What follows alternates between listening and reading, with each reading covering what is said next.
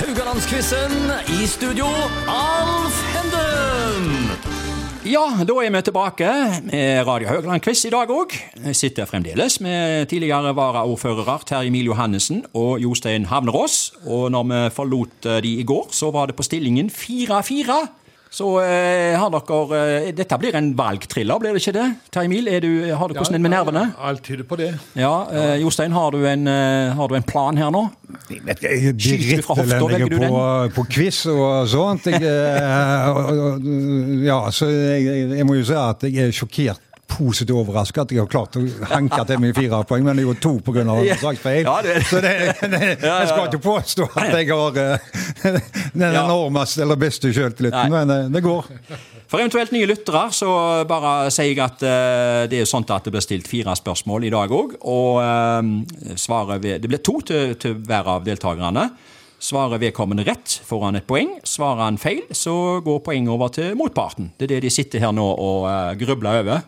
Tema tre i dag, da. Debatt- og aktualitetsprogrammer.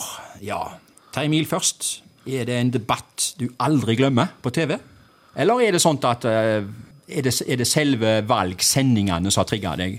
Ja, det, nei, det, det handler jo om innhold. Ja. Sant? Og det- er klart at eh, jeg som er vokst opp i den tida så jeg har jo gjort altså, hvor du vi hadde disse fantastiske debattene på 70-tallet. Ja. Eh, og med hele, hele det persongalleriet av politikere fra den tida. Ja. Eh, og, og Du har jo til og med Gerhardsen gitt seg. 70-tallet. Ja, ja, absolutt. Ja.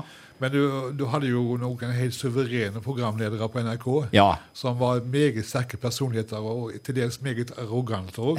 vi kommer nok tilbake til dem. Nå må ikke du snakke for mye her. for Nei, men, vi kommer men til... det, var, det, det, det var mye koloritt. Ja, okay. Menneskelig koloritt. Ok, Ja. Ja. Jostein, er det noen du husker? Eh, Du er noen år yngre her, og kom gjerne inn litt seinere. Jeg, jeg, jeg, du ser på debatter Jeg sett litt av dem som Terje Mil, men ja. Per Ståle Lønning og han kverulanten Det var jo Ja. magisk.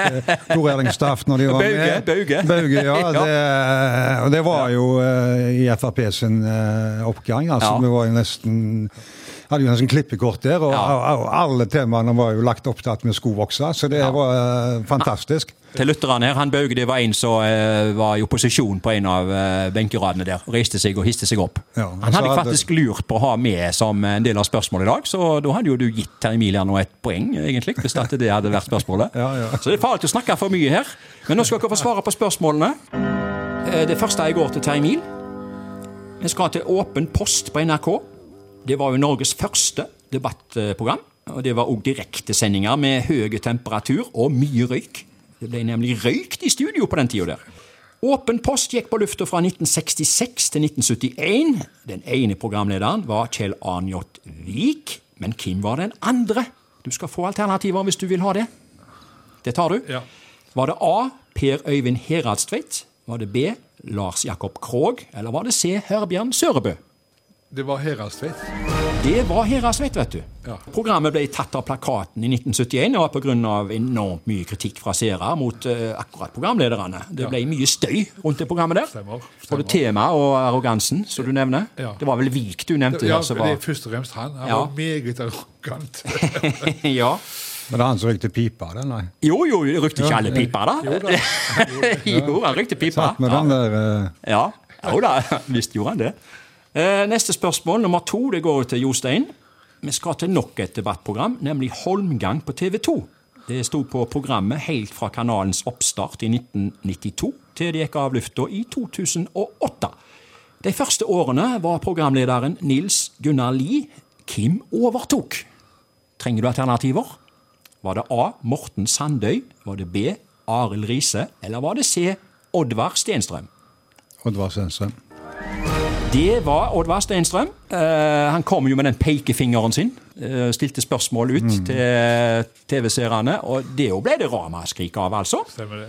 Han uh, stilte jo helt konkrete eh, spørsmål. Skal vi stenge grensene for flyktninger fra fjerne land? Og så kom han med pekefingeren. Og til det spørsmålet svarte 89,4% ja. Er det- det er her vi kan bruke det uttrykket som en rop i skogen for en svar? Det var altså eh, eh, Oddvar Stenstrøm. Ta Emil for det neste her. Spørsmål tre.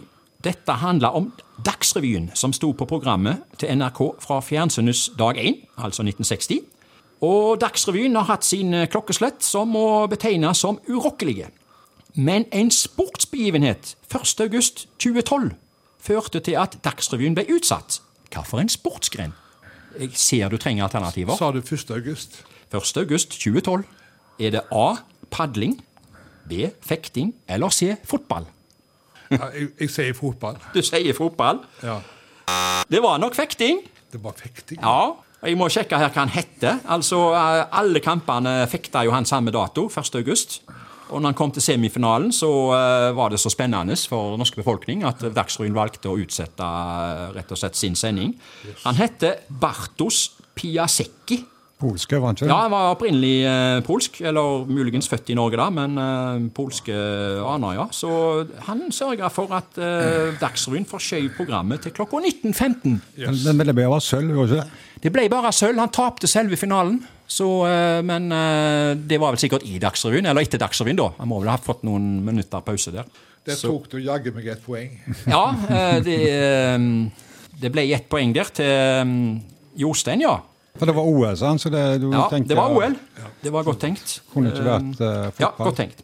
Jostein får det siste spørsmålet i dag. En annen faste programpost som har vært på NRK helt fra første året med fjernsynssendinger, er Sportsrevyen på søndager. Etter en sportsrevy april 1976 ble det ramaskrik og klagestorm til NRK. Eh, Hvorfor? Var det fordi A.